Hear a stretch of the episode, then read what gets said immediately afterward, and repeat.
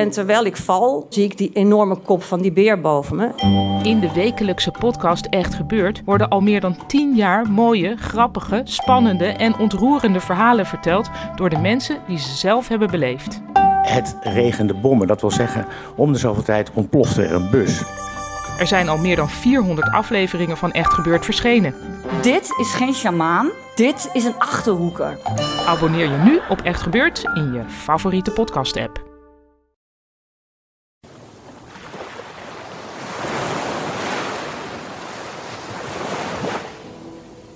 Je hoort de golven stuk slaan op een eenzaam strand. Een Nederlands strand. Of, nou ja, een strand wat zo'n 70 miljoen jaar later een stukje van Nederland zou worden. Ja, inderdaad. We hebben het voor de verandering eens over onszelf. In het Krijt, het laatste deel van de dinotijd, vormde Nederland de bodem van een subtropische zee.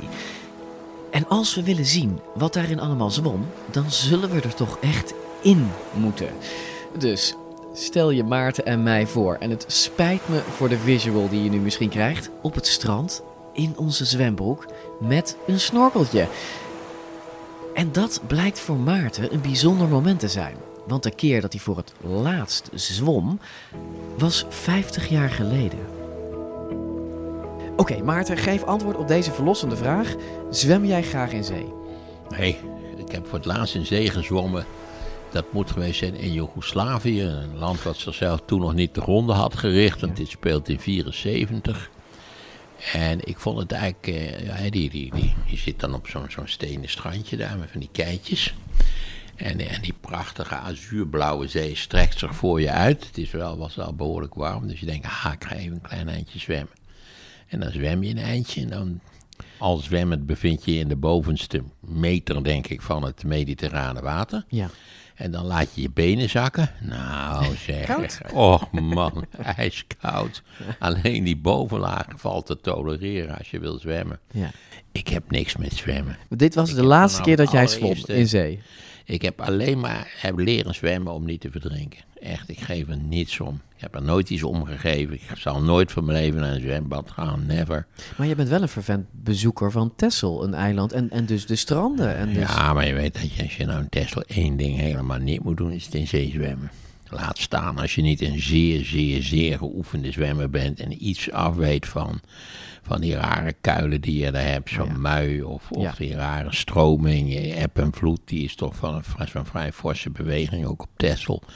Dus nee, je moet daar bevat niet. eh, Verdrinken altijd buitenlanders. En zwembaden doe je ook niet aan. Vreselijk, vreselijk. Ja, ik moet zeggen, wij gingen wel als scholieren, gingen wij wel naar het zwembad in Wageningen, wat overigens niet meer bestaat. Mhm. Maar ja, ik, het klinkt afschuwelijk pretentieus, maar we lazen elkaar gedichten voor. Ja, Ja, dat klinkt inderdaad. ehm, ehm, eh, maar eh, eh, wat ik fijn vind aan zwemmen is de gewichtloosheid die je hebt. Dat je zweeft in, die, die, die, in, in, in, de Nee, ruimte. ik ben me zo graag bewust van het, van die, het gewicht wat de 1G-krachten aan mij geven. Dat ik, Oké, ik geef het op. Oh, la- laatste vraag. Snorkelen? Ik heb nooit gesnorkeld. Maar dat, ik, dat kan ik nog. Dat, dan heeft zwemmen Ja, een functie, want want dan bekijk je het zeeleven. Dus dat, had ik jou nog wel zien doen. Ja. Ik had de indruk dat zeker in die eerste 100 meter eh, eh, daar in de Mediterranee er niet zo bijster veel zeeleven was eigenlijk. Je had er veel puimsteen, hè? dat is heel merkwaardig, dat blijft drijven. We dwalen af, want we gaan het... ehm, in de dino-tijd hadden wij eigenlijk geen dino's in Nederland. Hè. Laten we heel eerlijk zijn, wij waren gewoon zee. Nederland. Maar dat is ook eigenlijk ook heel interessant. Want vandaag gaan we je dus laten zien welke prachtige dieren er in ons eigen land rondzwommen in die warme, ondiepe tropische krijtzee. Het, het zal een beetje op jouw mediterrane zee hebben geleken. Moet heerlijk zwemmen zijn geweest. Ja, we hebben een paar highlights vandaag, Maarten. Te beginnen met ammonieten. Ja, dat, daar heb ik al heel lang een aflevering over willen maken. Ja, ik had mijn ammoniet. Ik heb een hele leuke, mooie, beetje bijgeslepen ammoniet. Ik geloof dat die... eh, ik heb een, of andere deskundige laten zien. Die zei, "Mwah, die schat hem om 300 miljoen jaar ongeveer. Oh. Echt ver voor de dino's nog. Ja, ver voor de dino's. En je weet, ammonieten kwamen voor in, in, eh, in de orde van het ouderwetse dubbeltje. Ja. Eh, of misschien nog maar kleiner. En er waren ook ammonieten zo groot als een, als een personenauto. Ik heb een ammoniet in Parijs gezien, die was, die was precies, het is echt een ja, we hebben ook trouwens in Amerika nog zo'n reuze Ja. ammoniet gezien. We gaan naar Maastricht, we gaan naar John Jacht, paleontoloog. En die, die, dat hele museum ligt vol met de prachtigste zeedieren. En hij gaat vertellen hoe die werken. Zeeschildpadden, gaan we het ook over hebben, hè, voordat Ook je denkt... Hele kleintjes, reusachtige zeeschildpadden. Nou, die, we zitten hier aan de tafel van twee meter. Ehm, die schildpad past hier met liefde op. En ze waren ook eh, voedsel voor de Mosasaurus, die hier in Nederland ook rondzwom. Ja, en als laatste, Maarten, eh, we gaan er toch ook even heen. Nederlandse Ja, dinosaurus. we hebben ook een Nederlandse ja, dinosaurus. jij kunt het niet laten. Nou ja, dat, dat is wat Maastricht zegt, hè? Nederland, eh, het- waar, wij, waar, wij een paspoort voor hebben, Ja. het van hebben, van hebben, Ja. is een volstrekt tijdelijk verschijnsel. Oké.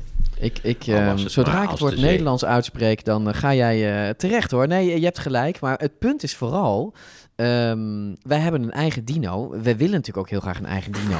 Hè? dat, is wat wij willen. Ook Want- zo'n wonderlijke wens. Want jij weet nog, wij waren dus in Maastricht. En daar stonden wij toch voor een reusachtig skelet van die Nederlandse dino. Je weet hoe, we hebben het al over gehad, hoe toevallig het feit is dat wij, eh, dat Maastricht bij Nederland hoort. Dat is een volstrekte toe. Ja, als je natuurlijk even kijkt naar de bouw van Nederland, dan zie je eigenlijk wel dat dat Limburg er natuurlijk niet natuurlijkerwijze bij hoort. Het bungelt er een beetje bij. Ja, het Ja. bungelt erbij, ja. Ja, maar eh, desondanks, daar is dus dat, die botjes die zijn daar gevonden. Want ik wilde naartoe, er staat een compleet skelet in Maastricht. Maar dat skelet, dat, is niet, dat hebben ze niet even ergens uit de mergelgroeves van, eh, van, van Limburg gehaald hoor.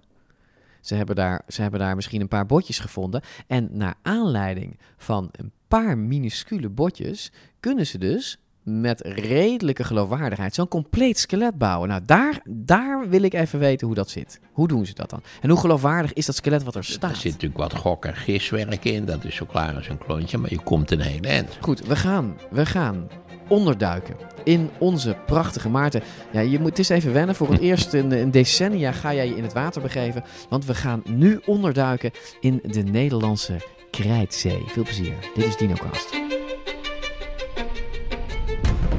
Maarten van Rossum en ik, Gijs Rademaker, nemen je mee naar miljoenen jaren geleden. Want elke week worden er nieuwe dino's opgegraven en de ene ontdekking volgt de andere op. en resten ontdekt van de grootste dinosaurus De dino die ze vonden is veel specialer dan ze dachten. More than 20 different dinosaur tracks. Vergeet alles wat je dacht te weten over dinosauriërs. Het is tijd voor een nieuwe kennismaking met onze oude vrienden. In de podcast voor iedereen die vroeger al van dino's hield en nu nog steeds een beetje. Welkom bij DinoCast. John, kun je ons, ehm, kun je Maarten en mij meenemen? Dus we staan denk ik op het strand.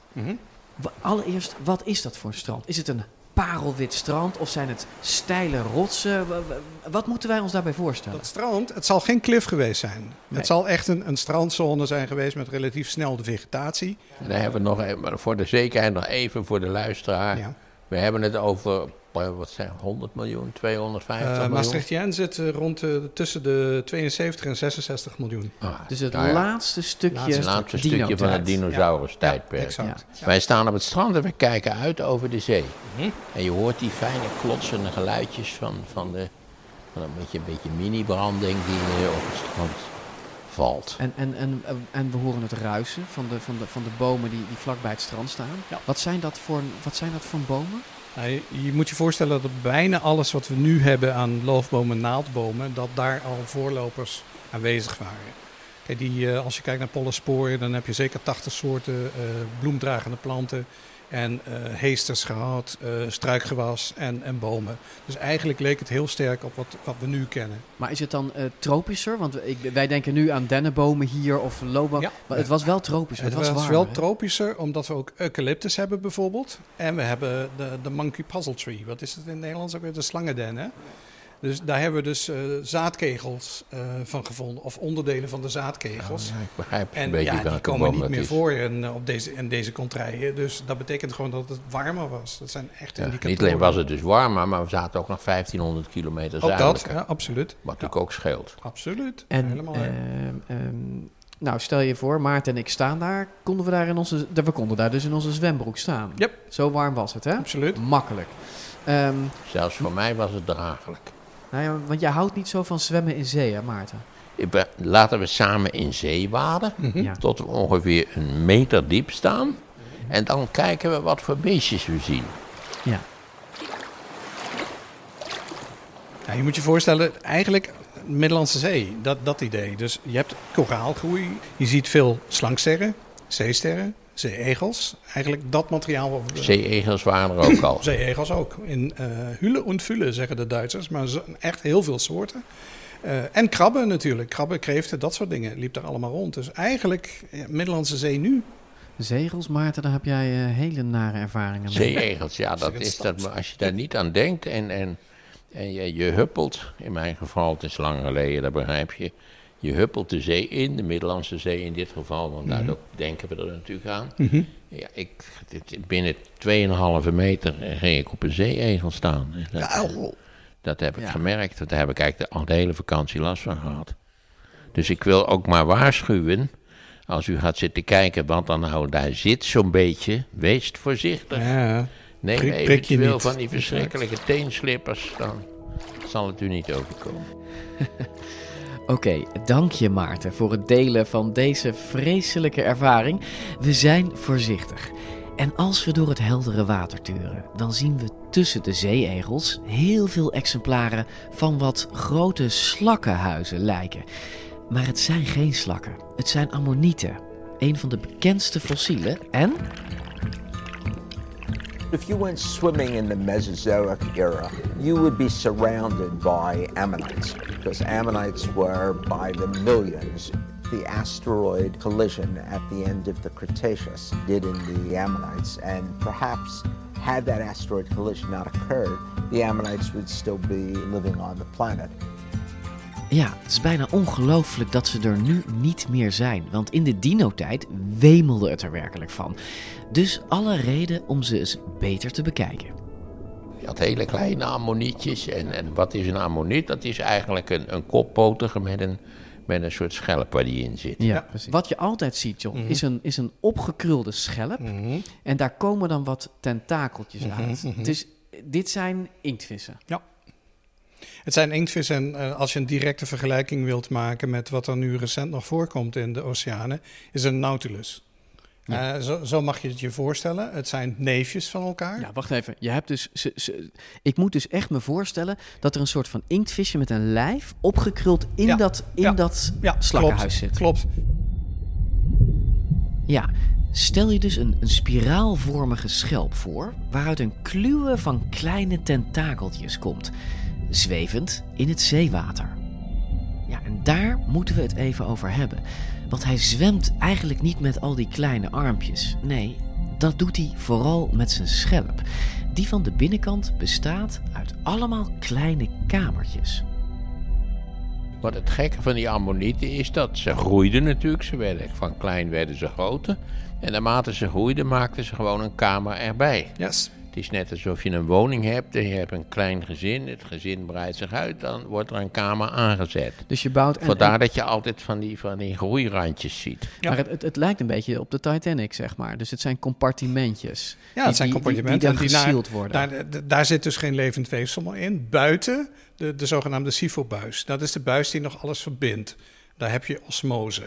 Help vindt daar plaats. Osmose. Dus eh, eigenlijk dat je door een weefsel uitwisseling van, van zuurstof en andere eh, stoffen krijgt. Dus daar ademt hij een beetje mee. Ja, exact. Nou, dat niet alleen, maar je kan ook bepalen of die stijgt Juist, of daalt of in het daalt, water. exact. Dat, moet je me nou eens uitleggen. Want hij heeft dus een schelp met allemaal van die kamertjes. Ja. Wat kan hij precies met die Hij kamertjes kan doen? reguleren ehm, de, de, de hoeveelheid gas en lucht in die kamertjes. Kan hij zelf reguleren. Hij kan dus opstijgen en dalen.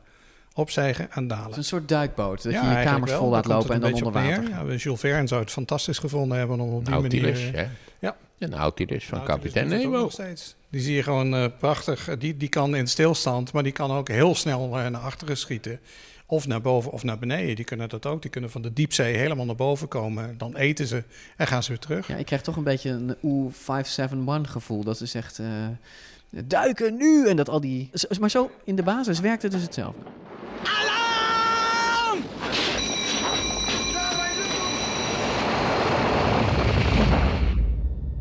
Untertriebsstelle uitdrukken. Er leefden dus miljoenen mini-duikbootjes in zee tijdens het Mesozoïcum, hè, de dino-tijd. En dat was een revolutionaire manier van bewegen. Heel slim bedacht. Want die schelpen die waren daar natuurlijk niet voor uitgevonden. Early shells worked like shields, protecting the soft body or mantle of the animal from predators lurking above. But it had developed a way to use its defensive shell for a whole new purpose. It turned out that by filling its shell with gas, this mollusk could literally reach new heights, gaining a key advantage over its relatives on the seafloor. The development of a gas filled chambered shell was a triumphant, history making adaptation. What was once a suit of armor became a personal flotation device. Oké, ik heb door hoe die, hoe die naar beneden en boven gaat. Dat doet hij dus door, dat, door gas en water Mhm. hè, met elkaar te. Kan hij ook vooruit en achteruit en links en rechts? Meestal gaan ze, wat, wat, eh, als, als het gefilmd wordt bij Nautilus, is dat ze naar achteren schieten. Ze kunnen zijdelings ietsje doen, omdat ze dan dit doen eh, in stationaire stand. Maar als ze echt willen bewegen, dan schieten ze naar achteren. En wat, en wat, geeft, wat geeft ons dat van informatie over de beweging van ammonieten? Nou, je zou dat één op één kunnen overdragen. Kijk, eh, er is niemand die filmopname heeft van ammonieten in het water. Dus we, we moeten hier gewoon aannemen dat ze vergelijkbare dingen hebben Dus, gedaan. dus hij kon met die, met die pootjes kon hij natuurlijk een beetje lopen en zich afzetten. En, Ja, de eh, vraag is of hij dat deed. Ik denk dat de pootjes meer ervoor zijn om, om voedsel te vergaren. Gewoon dingen te pakken. En die waren niet zo lang, hè, die pootjes. Nee, de, de, de, de meeste, de, meest voorste, de meeste voorstellingen ze zijn nooit gevonden. Laat ik dat, dat voorop zeggen. Maar er zijn nu eh, vondsten gedaan in, in het krijt van mm, Midden-Oosten. Waar dus een ammoniet buiten de schaal is en een nautilus buiten de schaal. Dus we weten hoe het in elkaar zat. Waar de nieren zaten, waar de, de digestive tract, hè, waar de, de, Ja. nou, de, de Spijsverteringskanaal. spijsverteringskanaal juist. En waar je het allemaal gezeten heeft. Dus als je dat mag gebruiken als een model voor alle andere ammonieten, dan weten we dat ze hele korte armpjes hebben gehad, hele Maar- korte tentakels. Maar wat kun je er dan mee, John? Want ehm, kwamen ze die schelp überhaupt wel eens uit? Of zijn ze verankerd Nee, in die schelp? ze zitten verankerd in die schelp, omdat we aan de, aan de, als ze heel goed bewaard zijn gebleven, zie je op, op de steenkern, dus de opvulling van de binnenkant, zie je de spierafdrukken zitten. Dus ze zitten gewoon, dat, dat levende weefsel zit gewoon vast via die spiermassa. Check. Ammonieten waren dus echt vergroeid met hun schelp. Maar Maarten is nog niet tevreden. Want als dit zo handig was, die schelp, waarom hebben de koppotigen, de inktvissen van nu, waarom hebben die dan geen schelp meer? Het gekke is dat die koppotigen, waarvan er natuurlijk ontzettend veel soorten zijn, dat alleen die Nautilus eigenlijk de schelp behouden heeft. Al die andere koppotigen hebben om een of andere evolutionaire reden besloten om de schelp op te doeken. Ja. Of intern. Ja. Ze hebben een heel klein schelpje. dat kan een soort restant is Ja, dat. Ja. Dat zie je ook wel bij gewone slakken in de tuin. En naaktslakken zijn evolutionair gezien, het zijn een beetje rare beesten. En wij vinden die slakken met die huisjes eigenlijk leukerder. Hè? Maar de- die, die slakken zonder huisje hebben minder energie nodig om een slakkenhuis te bouwen. En dat blijkt voordelig te zijn. En net als met die koppotigen in zee, die hebben ook besloten dat hele bouwen van dat huis is nergens goed voor. Als we wat sneller zijn, als we ons beter kunnen camoufleren, nou ja, gaan ze dus maar door. Ja, want, want die schelp, die is natuurlijk, dat is natuurlijk een verdediging in, het, in de dino-tijd. hè? Ja, want je ziet, je ziet ook heel veel ammonieten, zeg maar, die, die enorme stekels op, op die schelp ontwikkelen. Of kielen. Dat ze echt aan de bovenkant eh, hun schelp eh, sterker maken om te voorkomen dat daar iets doorheen gaat. Je ziet zelfs ammonieten waar dus breuk heeft plaatsgevonden in de schelp, die hersteld is. Waardoor dan de, de, de versiering verstoord is en er plotseling heel anders uitziet. Ja, die zijn er. De ammonieten waar we hier in Maastricht bij staan, zijn keurig opgerolde cilinderschelpen. Maar waar je bij dinosauriërs ook de vreemdste uitsteeksels, platen, klauwen en nekken ziet, is dat bij deze ammonieten ook het geval. Er zijn tientallen soorten van, waarvan sommige heel bizar. There are probably altogether about 30 different shapes of, of ammonites. The ammonites developed a huge variety of shell sizes and shapes, growing shells that looked like hooks or knots or even paper clips. Evolutionary biologists thought, wow, look at all these funny things going on with the ammonites. They figured that these funny shapes must have indicated something was very wrong with the ammonites, with the gene pool of ammonites. So nothing could be farther from the truth. They were very well adapted. een gegeven moment gingen ze ook hele gekke dingen ont ontwikkelen. Kijk, die normaal, ge uh, normaal gesproken zitten ze in een spiraalgewonde schaal. Maar er zijn er ook die aan het eind van het krijt, en zelfs in de Jura begint dat al, uh, heteromorf worden. Dat betekent gewoon dat ze hele idiote vormen gaan aannemen. Er is zelfs eentje die lijkt op een Gordiaanse knoop. Op een kluwe. Je gooit een touw op een, op een hoopje en that's it. Dus die bouwt zijn kamertjes op een hele rare Ja, een hele maffe manier. Die gaat dan om zijn eigen as heen en dan nog een keertje terug. Die heet Nipponites. Is ook in, uh, uiteraard in Japan gevonden. Wat voordeel hebben opgeleverd? Ja, uh, de vraag is inderdaad misschien gewoon benties hè, op, op de bodem leven. Niet anders, want hoe wil je zo'n ding laten zwemmen? En dan heb je een hele grote paperclip.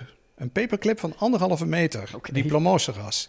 Die is wereldwijd, van Alaska tot Australië, Antarctica tot ver in Rusland, bekend. Hoe krijg je dit voor elkaar als je niet fatsoenlijk kunt zwemmen? Maar het is dus een ammoniet in een ja. paperclip vorm. Ja, exact. Echt, van anderhalve meter groot.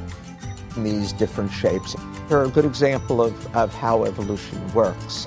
Evolution is open to lots of different pathways, so you have a lot of freedom to explore these. It's kind of inspiring and, and wondrous to see what was permissible and how is it that all of these can work.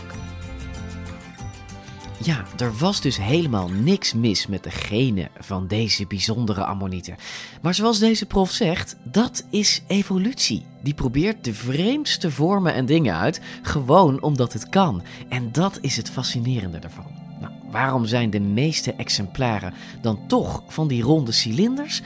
Ja, dat komt waarschijnlijk omdat zo'n opgerolde vorm duidelijke voordelen heeft. Hij kost minder energie, want je snapt dat de wand waar je tegenaan bouwt al een zijmuur heeft. Die hoef je dus niet meer te bouwen.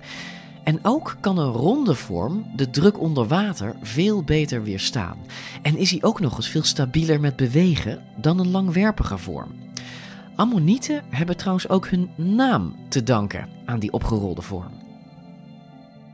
De naam komt dus van de god Amon, ja, Maarten. Ja, zeker. Want uh, laten de, de luisteraars het even opzoeken voordat ik het beschrijf. Maar die god Amon die had een sterk gekrulde horens aan zijn hoofd. Zo'n beetje als, als een bepaald een type van, ja. van, van ja, een ram, een ram dat heeft verschillende soorten rammen. Vandaar dat ze dus, omdat die dingen overal gevonden werden, had het ook een, een soort semi-religieuze functie. En uh, werd het dus vernoemd naar Amon. Vandaar Ammonieten. Ja. Ammon was the king of the gods, responsible for fertility and creation. And the ancients believed that he had saved their land from domination by foreign invaders. They trusted in Ammon to keep Egypt safe, fertile, and prosperous. En um, ik, heb, ik heb ook gezien, John, misschien weet jij dat, um, dat het ook wel slangenstenen werden genoemd. Ja, met name in Engeland. Aan de kust in, uh, in Yorkshire heb je in Whitby heb je heel veel ammonieten, dactyloceras. Die liggen dus op het strand. En de mensen in de middeleeuwen hadden daar dus absoluut niks mee. En dachten dat dat echt iets was van iemand was boos daarboven. Je had allerlei goden en afgoden. En daar werd dus aan, aan zeker als er nog een deel van de woonkamer aan zat, werd er kunstig een, een, een kopje van een slang van gemaakt. En daar werden dan de stenen van, uh, ja, slangenstenen letterlijk. Het, het, lijkt ook wel, als je er een kopje aan denkt, dan lijkt het ook wel een opgerolde slang, hè? Ja. Versteende opgerolde ja, slang. Exact. Ja, het is eigenlijk een beetje... Ze begrepen er dus zo weinig van, ja. dat ze geen flauw idee hadden dat er koppoteren woonden in die, in nee, die schelp. Geen flauw idee van, absoluut. Ja, mensen in de middeleeuwen hadden geen idee, maar het waren natuurlijk prachtige vormen. En er zijn meerdere culturen waar deze fossielen werden gekoesterd en bewaard. Nou, de kleintjes dan, maar er waren er ook van meters groot. Kun je je voorstellen, Maarten, dat een, een ammoniet van 2,5 meter doorsnee uh, door het water ploegt? Ja, dat je hem tegenkomt. He, want we waren nu net bezig om tot 1 meter diep in, het, in de ja. zee te waden, weet je wel. Om eens te kijken wat er al zo zat. Maar ik denk dat die hele grote ammonieten, dat die... Maar je hebt wel van die, van die vondsten. En dan zie je dus zo'n stukje zeebodem, zal ik nou maar even zeggen. En, en daar zie je dus echt tientallen van die kleine ammonieten op Ja. zitten. Dat, Ja, dat is klopt. een hele kolonie bij elkaar. Dat kun Ja. je, misschien hadden we dat wel gezien als we in zee Ik denk het wel, als je op de goede plek zit. Dat, dat zijn meestal van die, van die vormen van heel veel inktvissen. Als ze, als ze zich gaan voortplanten, dan leggen ze dus, eh, zeker bij, bij ammonieten, dan leggen ze eitjes en zorgen ze ervoor dat zaadcellen in dat zeewater terechtkomen. En dan sterven de oudere dieren sterven af. Dat heb je dus nu ook nog. Als ze de eilegging gedaan hebben, is het klaar. Dus dan hebben ze een functie vervuld en dan liggen al die beesten liggen gewoon dood op die zeebodem. Gek is dat bij zoogdieren in veel mindere mate het geval natuurlijk. Dat Ja. zou leuk zijn om meteen Ja, nee, precies. Als je zodanig maar duidelijk is dat je, dat je je voortgeplant hebt, dat je verschrompelt en... en Ja, wegwezen. Ja, wegwezen. Dat zou een beetje zonde zijn. Zeker. Maar nu we het toch over de dood hebben. We moeten alleen nog uitleggen waarom de ammonieten verdwenen zijn. Oh ja, eh, de, de, de meest gangbare theorie is... ammonieten hadden een voortplantingsmechanisme... dat leunde op het produceren van heel veel eicellen en zaadcellen. Die werden gewoon losgelaten in zee. Ja, net als vissen ook wel. Eh, exact. ja. En dan ben je, als er een milieuramp aan het eind van dat krijt plaatsvindt... ben je gewoon gezien. Want als jij in plankton zit wat vergiftigd raakt... nou, dan heb je dus ook geen kans eh, dat er nog foetussen, embryo's en, eh, eh, Ja. ja. Dus en werden- verdere stadia... En er worden meer oorzaken genoemd. Zure regen bijvoorbeeld. Die zou hun schelpen aangetast kunnen hebben. Acid rain changed the pH of the oceans, compromising the integrity of the shells these animals needed to survive. This hit baby ammonites, which relied on their thin, fragile shells to passively float near the ocean surface, especially hard. At the same time, there was likely a massive die off of ammonites' main food source, plankton. Ehm, een nautilus, die daar heel sterk op lijkt qua schelp, die heeft 1, 2, 3, 4 eitjes eh, per keer. Maar er zit wel een dooier omheen. Dus die zijn eigenlijk niet direct afhankelijk van voedsel in eh, het open zeewater. En kunnen op die manier dus wel overleven. Right, dus dat is de reden waarom nautilussen er waarschijnlijk Daar nu lijkt het zijn. op. Dat is Ja. de meest gangbare theorie. Ik wil nog even... Mag ik nog Nou, even wat... Nou, nog even, de, de koppotigen, ook zonder schelp, Ja. zijn enorm succesvol. En gigantisch in aantal werkelijk. En er is zelfs een groep die suggereert dat octopus eigenlijk een schelploze ammoniet is. Octopus is een schelploze ammoniet. Ja, dat wordt niet door iedereen eh, gevolgd, maar eh, hij heeft een balletje opgegooid. Want het gekke is, eh, de, het genus Argonauta bestaat ook. Dat is eigenlijk een, ja, een, een eilegsel. Hè? Die, alleen de wijfjes maken een schelp, waar ze de eieren in afzetten. Maar die schelp heeft verder geen functie buiten dat. Alleen maar een, een eicontainer, basically. En als je dat wegdenkt, ja, dan komt die octopus wel heel dicht in de buurt van een ammoniet. Dus misschien dat, dat, dat, dat ammonieten nu nog voortleven, maar dan als octopussen. Ja. Ja, denk aan de dinosaurussen die voortleven als Als vogels. vogels. hè. Zo jammer dat ze er niet meer zijn.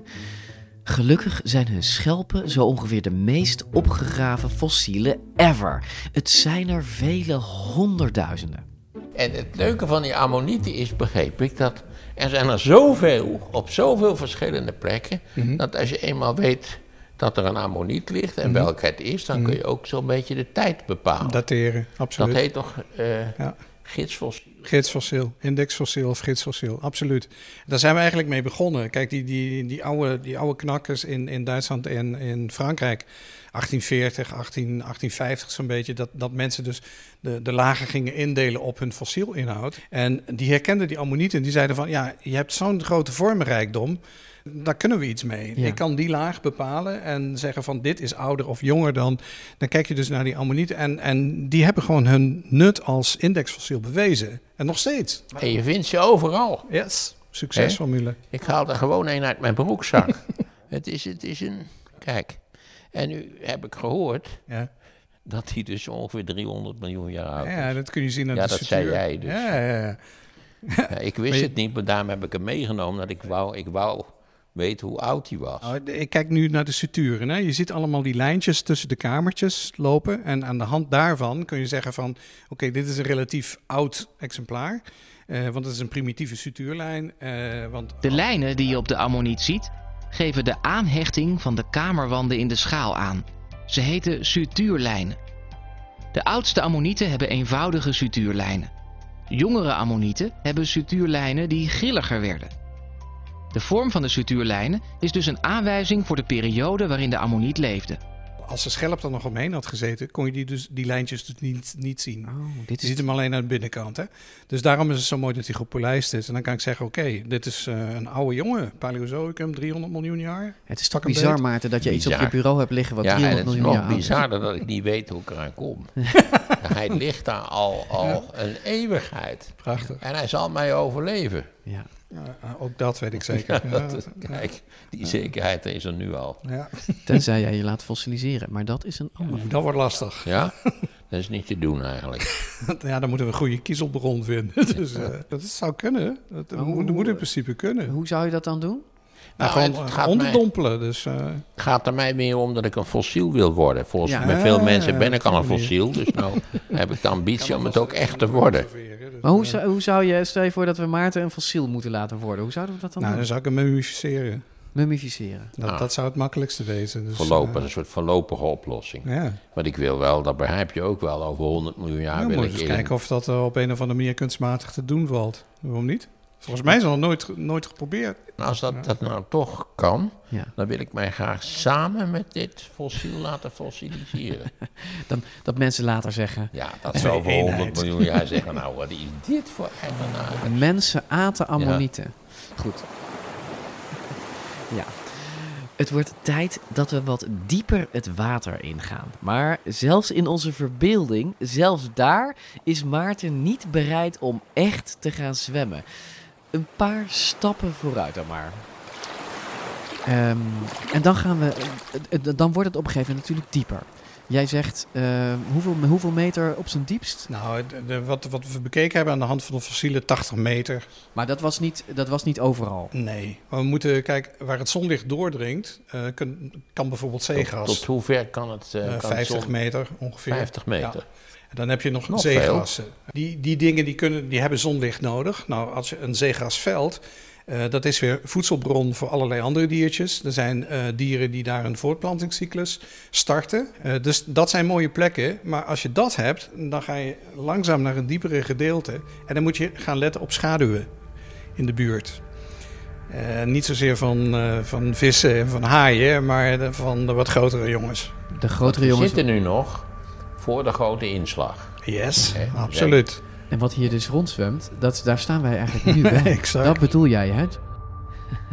Maar die grote dreigende schaduwen, ja, die stellen we nog even uit. Want eerst zien we iets verder in het heldere water ook een reusachtig dier dat traag en majestueus boven het zeegras zwemt. Een reusachtige zeeschildpad. Ook die kwamen hier in Nederland voor. Bewijzen de vondsten in Maastricht. Maarten, we staan hier tussen eigenlijk twee gigantische exemplaren van zeeschildpadden die Ja. werkelijk letterlijk meters groot zijn. Gigantisch groot. En dan moet ik je zeggen, terwijl jij aan je geluidsapparatuur stond te prutsen, Ja. heb ik mij in de, in, in de zeeschildpadden verdiept. En wat je natuurlijk opvalt, is dat ze qua vorm nauwelijks veranderd zijn. Ik begreep ook dat ze echt heel direct geparenteerd zijn aan de zeeschildpadden die we nu nog steeds hebben. Zei dat die lang niet zo groot worden. En wat ik me altijd afvraag, we hebben die discussie ook al gehad bij de dinosaurussen natuurlijk. Wat verklaart toch gigantisme? Nou, we hebben het net over die ammonieten gehad, die variëren van een dubbeltje tot een middenklasse auto. Wat is, de, wat is de reden dat de evolutie er aardigheid in heeft om die dieren, van welke aard dan ook, schildpadden, eh, dinosaurus, het kan van alles wezen, zo gigantisch groot te maken? Hoe zou dat nou toch komen? Ja, dat is een hele goede vraag. Ik denk dat je er niet een eensluitend antwoord op kunt geven. Ehm, want als dat zo zou zijn, dus in het, in het geologische verleden, waarom zijn die schildpadjes van nu dan relatief klein? Waarom groeien die ook niet uit tot zulke grote beesten? Nou, ehm, in principe, een reptiel blijft gewoon doorgroeien. Zolang er genoeg voedsel is, zolang er geen ziektes, zolang niet een ander groot beest jou opeet, blijf je gewoon doorgroeien. En dat is ook de, de, de grote kracht van die sauropoden, hè, die langnek-dino's op het land. Die hebben verder geen vijanden. Want zo'n zo'n klein T-Rexje, dat, dat valt in het niet naast een grote jongen. Dus die kan geen kwaad doen. Dus zolang er voedsel is en, en ik happy ben, ga ik gewoon door met groeien. Nou, dat zal hier net zo geweest zijn. Ja, en daarnaast, er zitten belangrijke voordelen aan zo groot mogelijk zijn. Zeker als je een reptiel bent dat in zee zwemt.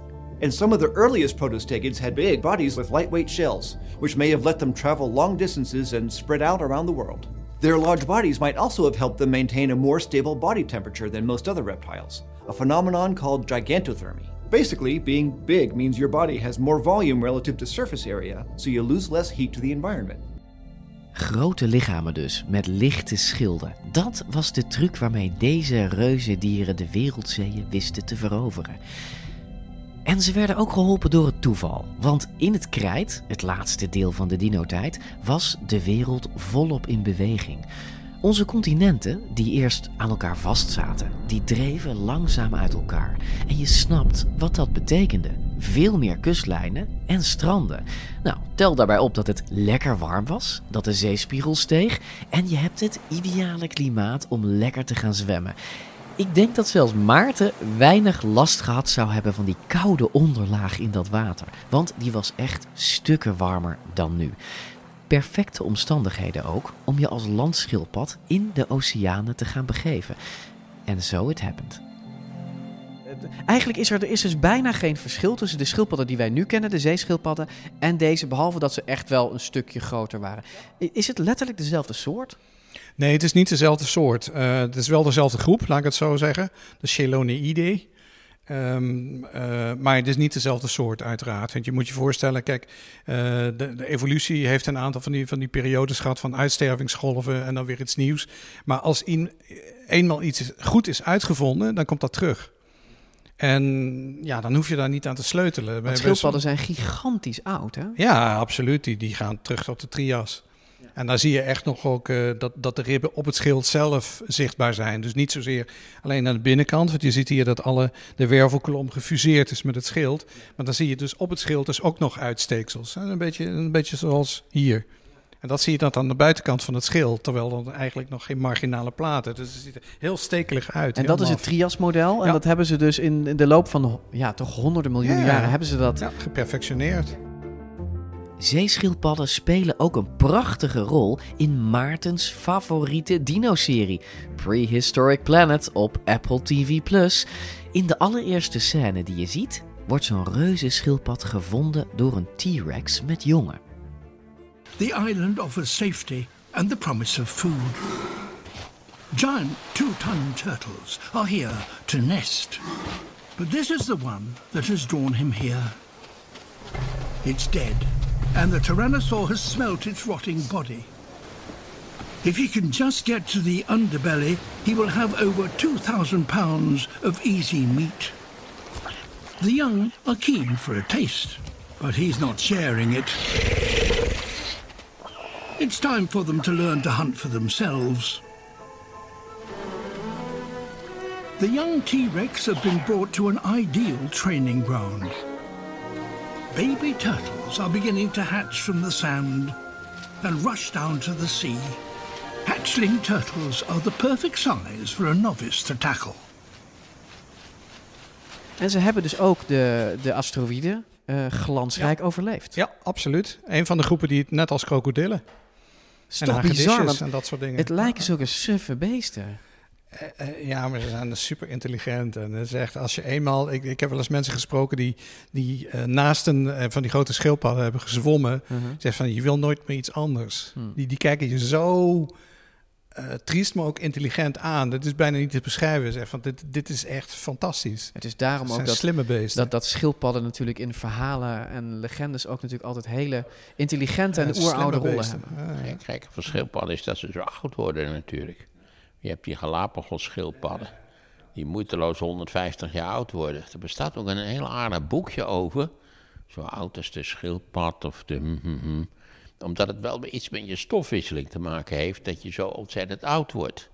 Dus kijk, een muis wordt niet oud. Die heeft een razende stofwisseling. Die wordt eh, twee jaar, tweeënhalf jaar... en hij heeft wel gehad met de muis. Daarom hebben ze ons het Omicron-virus gestuurd, zoals je weet. Dat doen de muizen namelijk. maar eh, die- Oké. Ja, in dat boek wordt... het- Kijk, ik heb, je leest altijd alle dingen waarvan je weer een belangrijk gedeelte vergeet. Maar er is een heel leuk boekje over de vraag waarom schildpadden zo oud worden. Wat je begrijpt wel een soort ondertoon heeft dat wij ons ook wel misschien wat rustiger kunnen Wat gedragen. rustiger, exact. Nou Ja, ja, kalmer aan kunnen doen met de stofwisseling. en Geen oliebollen meer eten. Nou Nou, ja, kennen jullie het oneindige verhaal daar, eh, van Michael Ende? Nee, dat ken ik nou dat is een, eh, een, eh, een boek. En ook een film over Fantasië. En een van de, de, de- het oudste karakter van Fantasië is de oeroude Morla. En dat is een reusachtige schildpad, zo groot als een, als een berg. ja, Die wijze woorden Ja. eh, uitspreekt. En Ja. ook totaal onverschillig is voor wat er eh, in het heden gebeurt. Want het maakt allemaal toch niets uit.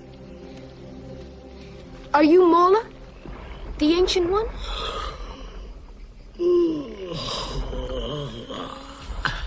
Not that it matters, but yes. Please help me, Mola.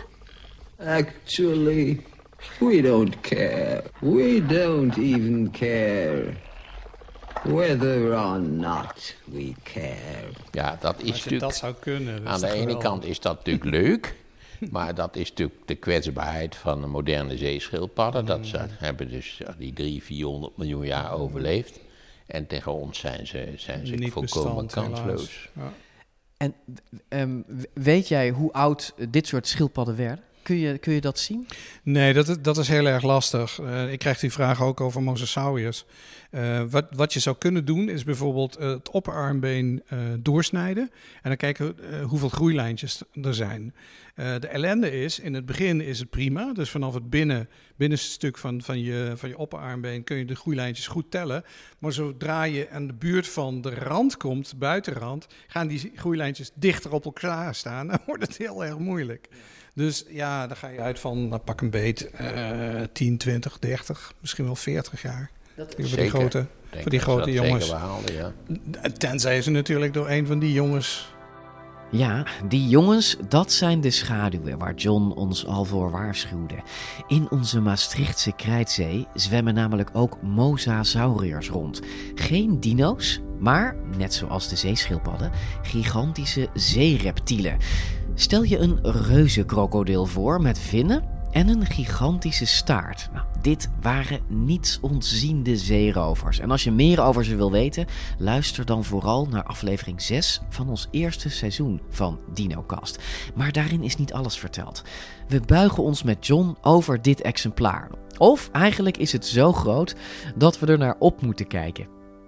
En jij wijst namelijk op die mosasaurus Ja. die hier gigantisch tegenover ons Ja. hangt. Die zeeschildpadden zijn groot. Ja. Maar tegen een mosasaurus met die bek die ik daar zie, hadden ze toch geen schijn van kans. Nee, dat was eh, een paar hapjes en weg.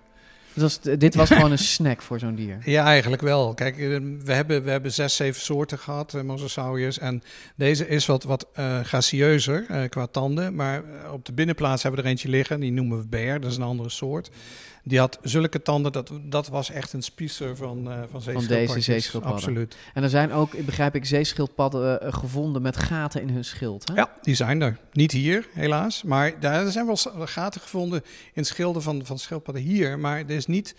Kijk, het probleem is, als zo'n mosasaurus bijt... dan zou je meerdere gaten moeten hebben. Want hij heeft tanden op een rij staan. En in de boven- en in de onderkaak. Dus als jij dan maar één gat vindt en voor de rest niks op dat schild... eh, en dan kan dus nooit een mosasaurus geweest zijn. Ja, dat is een Of triceratops geweest of zo. Nee, dat Nee, zie grapje, ik niet grapje, gebeuren. Ja. Wat, wat, aten, wat aten deze dieren zelf? Moeten we niet even vertellen, want ja, wij zien, wij zien hem, maar voor de luisteraars, die zien hem niet. Dus het is wel een enorm beest. Ah ja, dit, dit is dit waar. is niet eens de maximale grootte, dus Nee. wat we hier, terwijl dit is al, lijkt mij al een meter of tien of zo, twaalf. Ja, het is 8,5. 8,5, meter. oké, dat zie ik dan eens verkeerd, jammer genoeg. 8,5 meter, maar het is al een enorm dier. Ja. Hè? Het is op de helft van wat ze konden bereiken. Hij, is, hij is groter dan een killer whale. Ja. Niet te geloven. Ja, en en deze zwommen dus, dus tussen de ammonieten, tussen Ja. de zeesterren Ja. en tussen de, eh, de schildpadden. Ja. Ja, heb je, dit, dit waren de zwarte schaduwen waar je over sprak. Dit, dit waren de zwarte schaduwen, absoluut. Daar moet Maar je op beducht zijn. Hij had En- wel een en, beetje, eh, wij staan ondertussen nog steeds tot onze knieën in het water. Oh ja, dat- dat kunnen we de- eigenlijk. Nee, dat, het, de kans dat er een naar boven komt en dacht van... hé, hey, dat is wel aantrekkelijk spul. Nee, want hij had wel een bepaalde minimale diepte nodig om te opereren. Ja, je ziet gewoon, eh, kijk, als je daar het vleesje omheen, daar, ja, daar zit de ribbenkast. Nou, dan moet je gewoon uh, pak een beetje 10 centimeter aan, aan weefsel omheen denken, nou, naar achteren toe. Dan zie je gewoon wat voor diepte dat hij nodig heeft om überhaupt Nou, uit de voeten te kunnen. Hij heeft wel een toch? metertje of 2, 3, 4 nodig. Dat bedoel ik. Nee, ik denk wel en meer. ik denk dat hij Ja. dat niet lekker vond. Nee. Dat hij dat eh, gewoon niet gedaan heeft. Want dan eenmaal gestrand is het natuurlijk ook heel moeilijk. Zeker omdat je flippers, die zijn er eigenlijk alleen maar om te manoeuvreren. Daar kon hij eigenlijk heel weinig mee. Denk aan die arme potvissen die een verkeerde afslag nemen. Dus niet richting Atlantische Oceaan zwemmen, maar de Noordzee inzwemmen. En dan komen ze terecht op zo'n waddeneiland. En dan begint het bekende potvisprotocol. Hè, want dat is eh, speciaal vastgesteld door de minister. Daar is een protocol voor. Zolang ze ademen.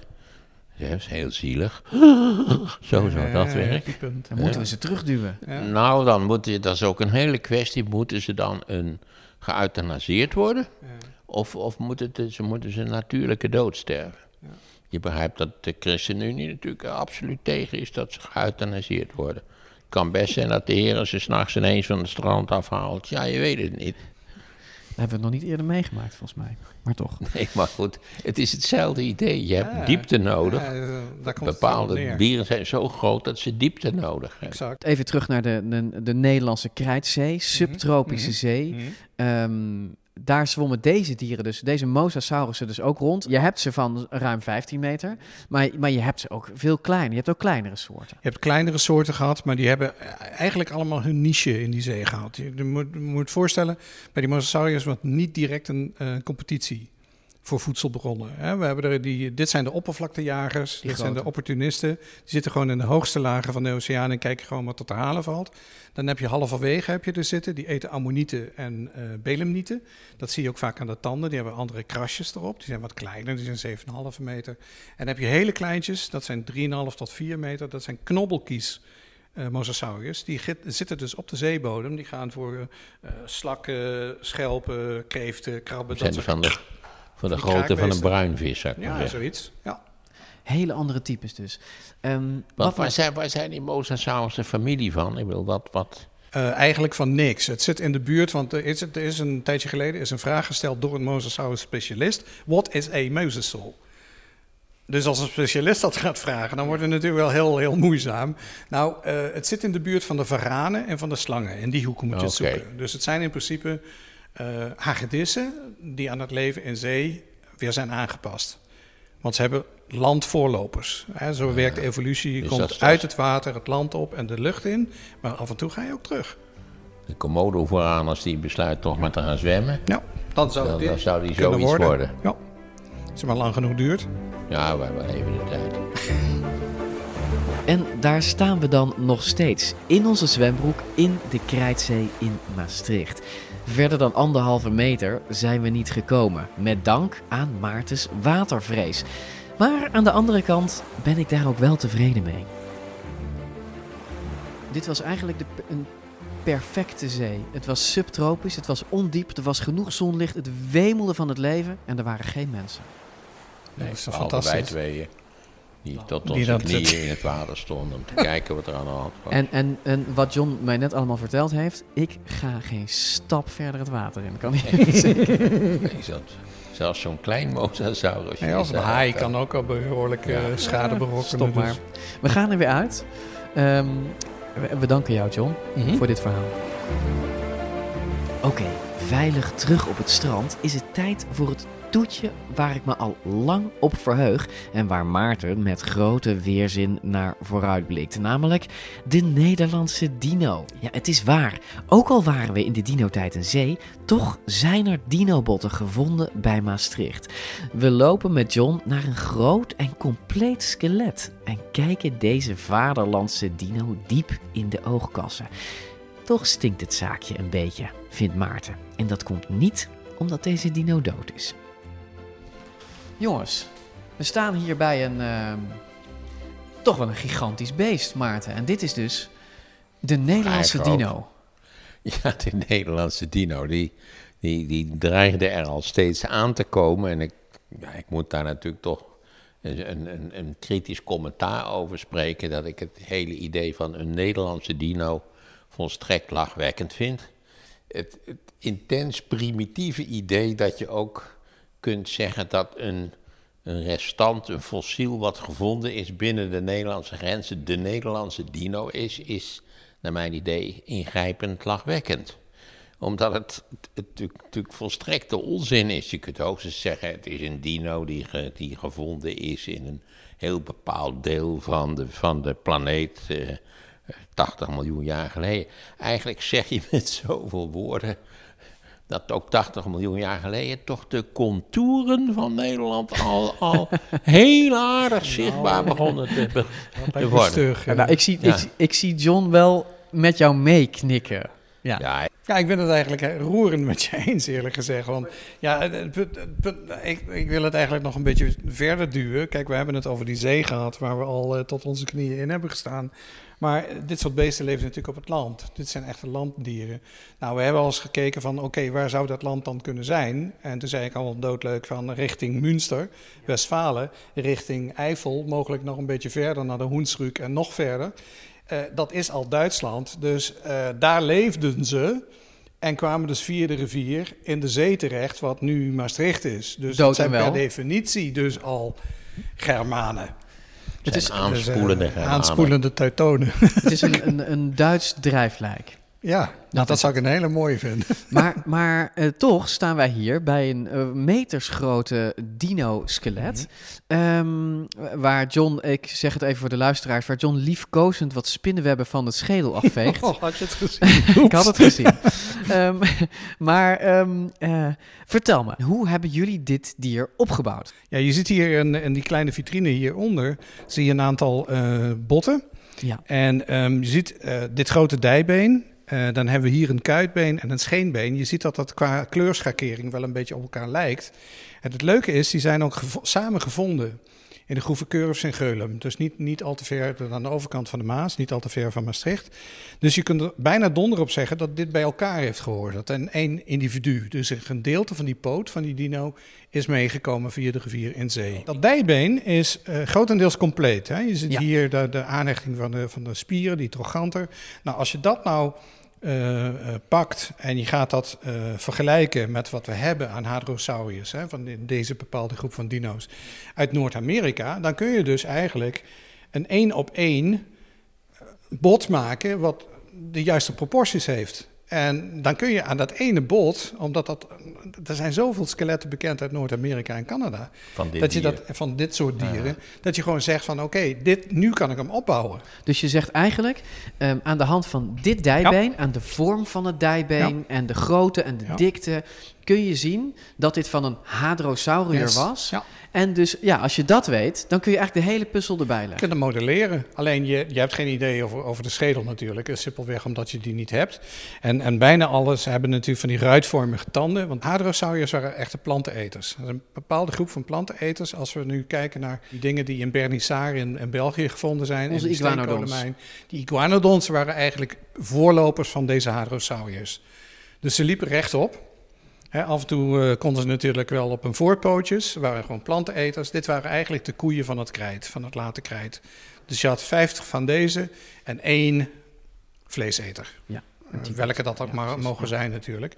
Dus dat is een beetje het idee. Dat zijn relatief, ik wil niet zeggen primitieve, maar deze waren heel succesvol omdat ze op alle continenten voorkwamen. Koeien, buffels, herten, dat soort, dat soort Ja. achtige plantenetende... Juist, die deden precies hetzelfde. Dus Noord-Amerika heb je ze, in Europa nu. Er worden steeds meer vondsten gedaan, ook in Italië, in Spanje, in Portugal.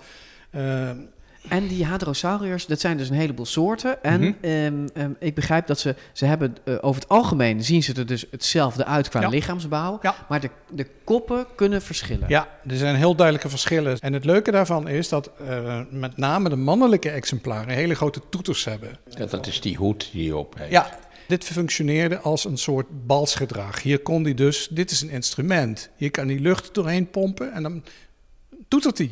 Oké, dus, Geluid. Dus het kan of een Simpelweg. uitsteeksel zijn naar achter, of het kan een, Ja, een het soort kan van kam bovenop Het zijn kop zijn. Het kan van het kan- alles zijn. Ja, het is, het zo gek. En het is een klankkast. Het is een klankkast. En hij kan zijn mond dicht houden en toch Ja, kan gewoon, ja, Ja, absoluut. dat vraag ik speciaal natuurlijk. Nee, maar dat, kunnen die grote over- die toekantvogels, die kunnen dat ook. Die kunnen ook een snavel dicht en toch geluid maken. Simpelweg door de neusgaten te Omdat wij natuurlijk altijd bij dinosauriërs op de film Niet waar? Brullen zij met geopende mond. Wat dus gewoon flauwekul is. effect. Want als ze al geluid gaven, waarschijnlijk op een hele andere manier. En deze hoefde dus ook zijn mond niet open te doen om dat toetergeluid te maken. En ehm, hier zit dus een bepaalde kop op. Mhm. Ehm, heb jij uitgekozen welke dat is? Nee, dat heeft Anne gedaan samen met Aart Walen. Anne en die hebben, die, Anne Schulp. En die hebben, hebben gekeken, oké, wat komt het dichtst in de buurt qua eh, dijbeen? En eh, deze kop is eh Corythosaurus, een Noord-Amerikaanse. Maar je ziet, Hij is denk groot. ik, dat hij een beetje groot is. Ja. Want het leuke is, als je naar zoogdieren, en bepaalde eh, dino's hebben dat ook, als ze uit het ei komen en als zoogdieren worden geboren, dan hebben ze een relatief grote kop, een Ja. groot hoofd. Hebben wij ook. Als En gewoon- dat heeft al mee te maken dat het moedergevoel gaat spelen. Dus daarom is het, oh, Ja. en dat gebeurde bij dino's net zo. Maar deze is een beetje te groot. Ja, want dit is toch geen kindje? Dus nee, eigenlijk- hij heeft echt wel een aandoenlijke, ja, Dus dat, dat is mag eigenlijk- ietsje kleiner. is er gewoon een zijn hoofd is veel te groot. Ja. Er is sprake van Ik een denk- waterhoofd. Ik, ik denk dat we, dit zal een, een kwart minder moeten. Een iets te groot waterhoofd op onze Nederlandse dino. Ja, Maarten en ik praten nog even door. Want toch vindt hij het niet erg dat zulke dino-modellen gemaakt en tentoongesteld worden. Dus jij vindt eigenlijk, vind jij, ze hebben gespiegeld, ze hebben gekeken naar wat voor soort dino het is. En ze hebben natuurlijk een paar dingen gegokt. Hè? Namelijk zijn kop en had hij een kam of niet. En eh, welke soort hadrosaurier was het. Vind jij, Ja, en dat allemaal uit de behoefte om natuurlijk een, een dino, een echt Een zichtbaar beest te Ja. construeren. Wat vind jij daarvan? Nou, ik vind het sympathiek. Eh, waarschijnlijk zullen ooit andere restanten van deze diersoort worden gevonden. En dan blijkt dat we het in allerlei opzichten verkeerd hebben gehad. Het doet mij een beetje denken aan die reconstructie van die paleizen op Kreta. Daar hadden we ook een hele bepaalde voorstelling van. Daar Ja. was meestal niet veel meer van over dan, dan de eerste 50 centimeter die boven de grond eh, uitstaken. Gaat het over de paleis van koning Minos bijvoorbeeld? Ja, maar dus die, die, ja, ze hebben dat paleis gereconstrueerd en nou ja, denken wij nu geloof ik vrij fundamenteel anders over. Dus de vraag is, wat is, is het erger dat er iets niet klopt aan, het, aan de reconstructie? Of moeten we het gewoon helemaal niet doen, maar dan hebben we ook geen goed beeld? Nee, veel hè? mensen Dus dat- zullen zeggen, je moet het helemaal niet doen, het, het is misleidend. Maar voor mij mag het wel. Ja. Ik ben ook wel voor replica's. Dus ik zou het wel lollig vinden om bijvoorbeeld eh, een, eh, een replica van het Parthenon te bouwen. Oh ja, precies. En bijvoorbeeld in Nijmegen hebben ze ooit overwogen om de, de, de, de, de Karelsburg opnieuw te bouwen op het Valkhof. Ja, dat, is- zou je bijvoorbeeld ook kunnen doen. Want daar weten we vrij precies van hoe die, die, hoe die eruit zag. Hij was natuurlijk, eh, je, kent al die schilderijen, je denkt je wat een Ja. burg, terwijl hij vooral hol was van binnen. Ja. Maar goed, dat is vers 2. Mhm. Ehm, ja, ik vind dat, dat sugge- je mag wel suggesties wekken. En het, het, ehm, weet je, als dat er over 500 jaar nog staat, zeg maar, dan, dan vervaagt ook- de grens tussen... Ja, dat legt mijn broer altijd uit. Na 100 jaar, wat het ook is, is het een monument geworden. Precies, ja. Dus dat de is... Neu de Flat in Utrecht is een monument geworden, al minder dan 100 jaar later. Terwijl dat geheel onterecht is, naar mijn idee. Ik wou net zeggen, misschien is dat niet zo'n goed voorbeeld. Nee, maar alles. Als je de tijd monumentaliseert. Ja, dat is het. Dat is het. Dus, dus, en da- daar houden we eigenlijk geen rekening mee eh, bij, bij die afwegingen. We proberen dino's wel tot leven te wekken, hè, zogenaamd. Maar ammonieten, dat wil niemand. eh, dat zijn gewoon geen sexy dieren, blijkbaar of zo. Dat is zo Je jammer. kunt de naam niet wel, wel door Apple TV Plus tot leven laten werken. Maar het is een vrij eentonig beeld, neem ik aan. Wij sluiten eigenlijk met deze aflevering, Maarten, sluiten we eh, seizoen 2 van DinoCast af. We zijn al honderdduizenden keren gedownload en beluisterd. Dus het is weer echt een heel fijn seizoen geworden. Dank daarvoor iedereen. En we hebben eigenlijk nog een toegift van een paar afleveringen. Hè, toch? Want we gaan het eh, nog Ja, hebben we over onze reis. Ja, wij moeten een reisverslag maken. Precies. Dus wat je gaat horen, de komende podcasts, is eh, afleveringen die horen bij de Videoland-serie die wij eh, gaan maken. Ehm, de bedoeling is, kijk een aflevering op Videoland en luister vervolgens naar ons in de podcast. Dus weersta de verleiding om nu de volgende aflevering aan te klikken. Niet doen. Eerst even de serie kijken, want anders weet je gewoon niet waar we het over hebben. En eh, dat, eh, dat- dan snap je ook niks van de podcast. Ik wens jullie een, eh, een hele fijne middag en ontzettend bedankt voor het luisteren. En op de achtergrond hoor je Maarten alweer heel tevreden, tevreden op de koekjes knagen. Dus wij knagen hier nog even door. Dank jullie wel voor het luisteren. Tot de volgende keer. En als je deze aflevering luistert terwijl die net uit is, onze Dino-serie verschijnt pas rond kerst 2022 bij Videoland. Geef je via onze website dinocast.nl op voor onze nieuwsbrief, dan geven we jou een seintje als die serie er echt staat. Nou, als je dit later luistert, dan kun je hem dus nu al opzoeken. Heel veel plezier en tot snel.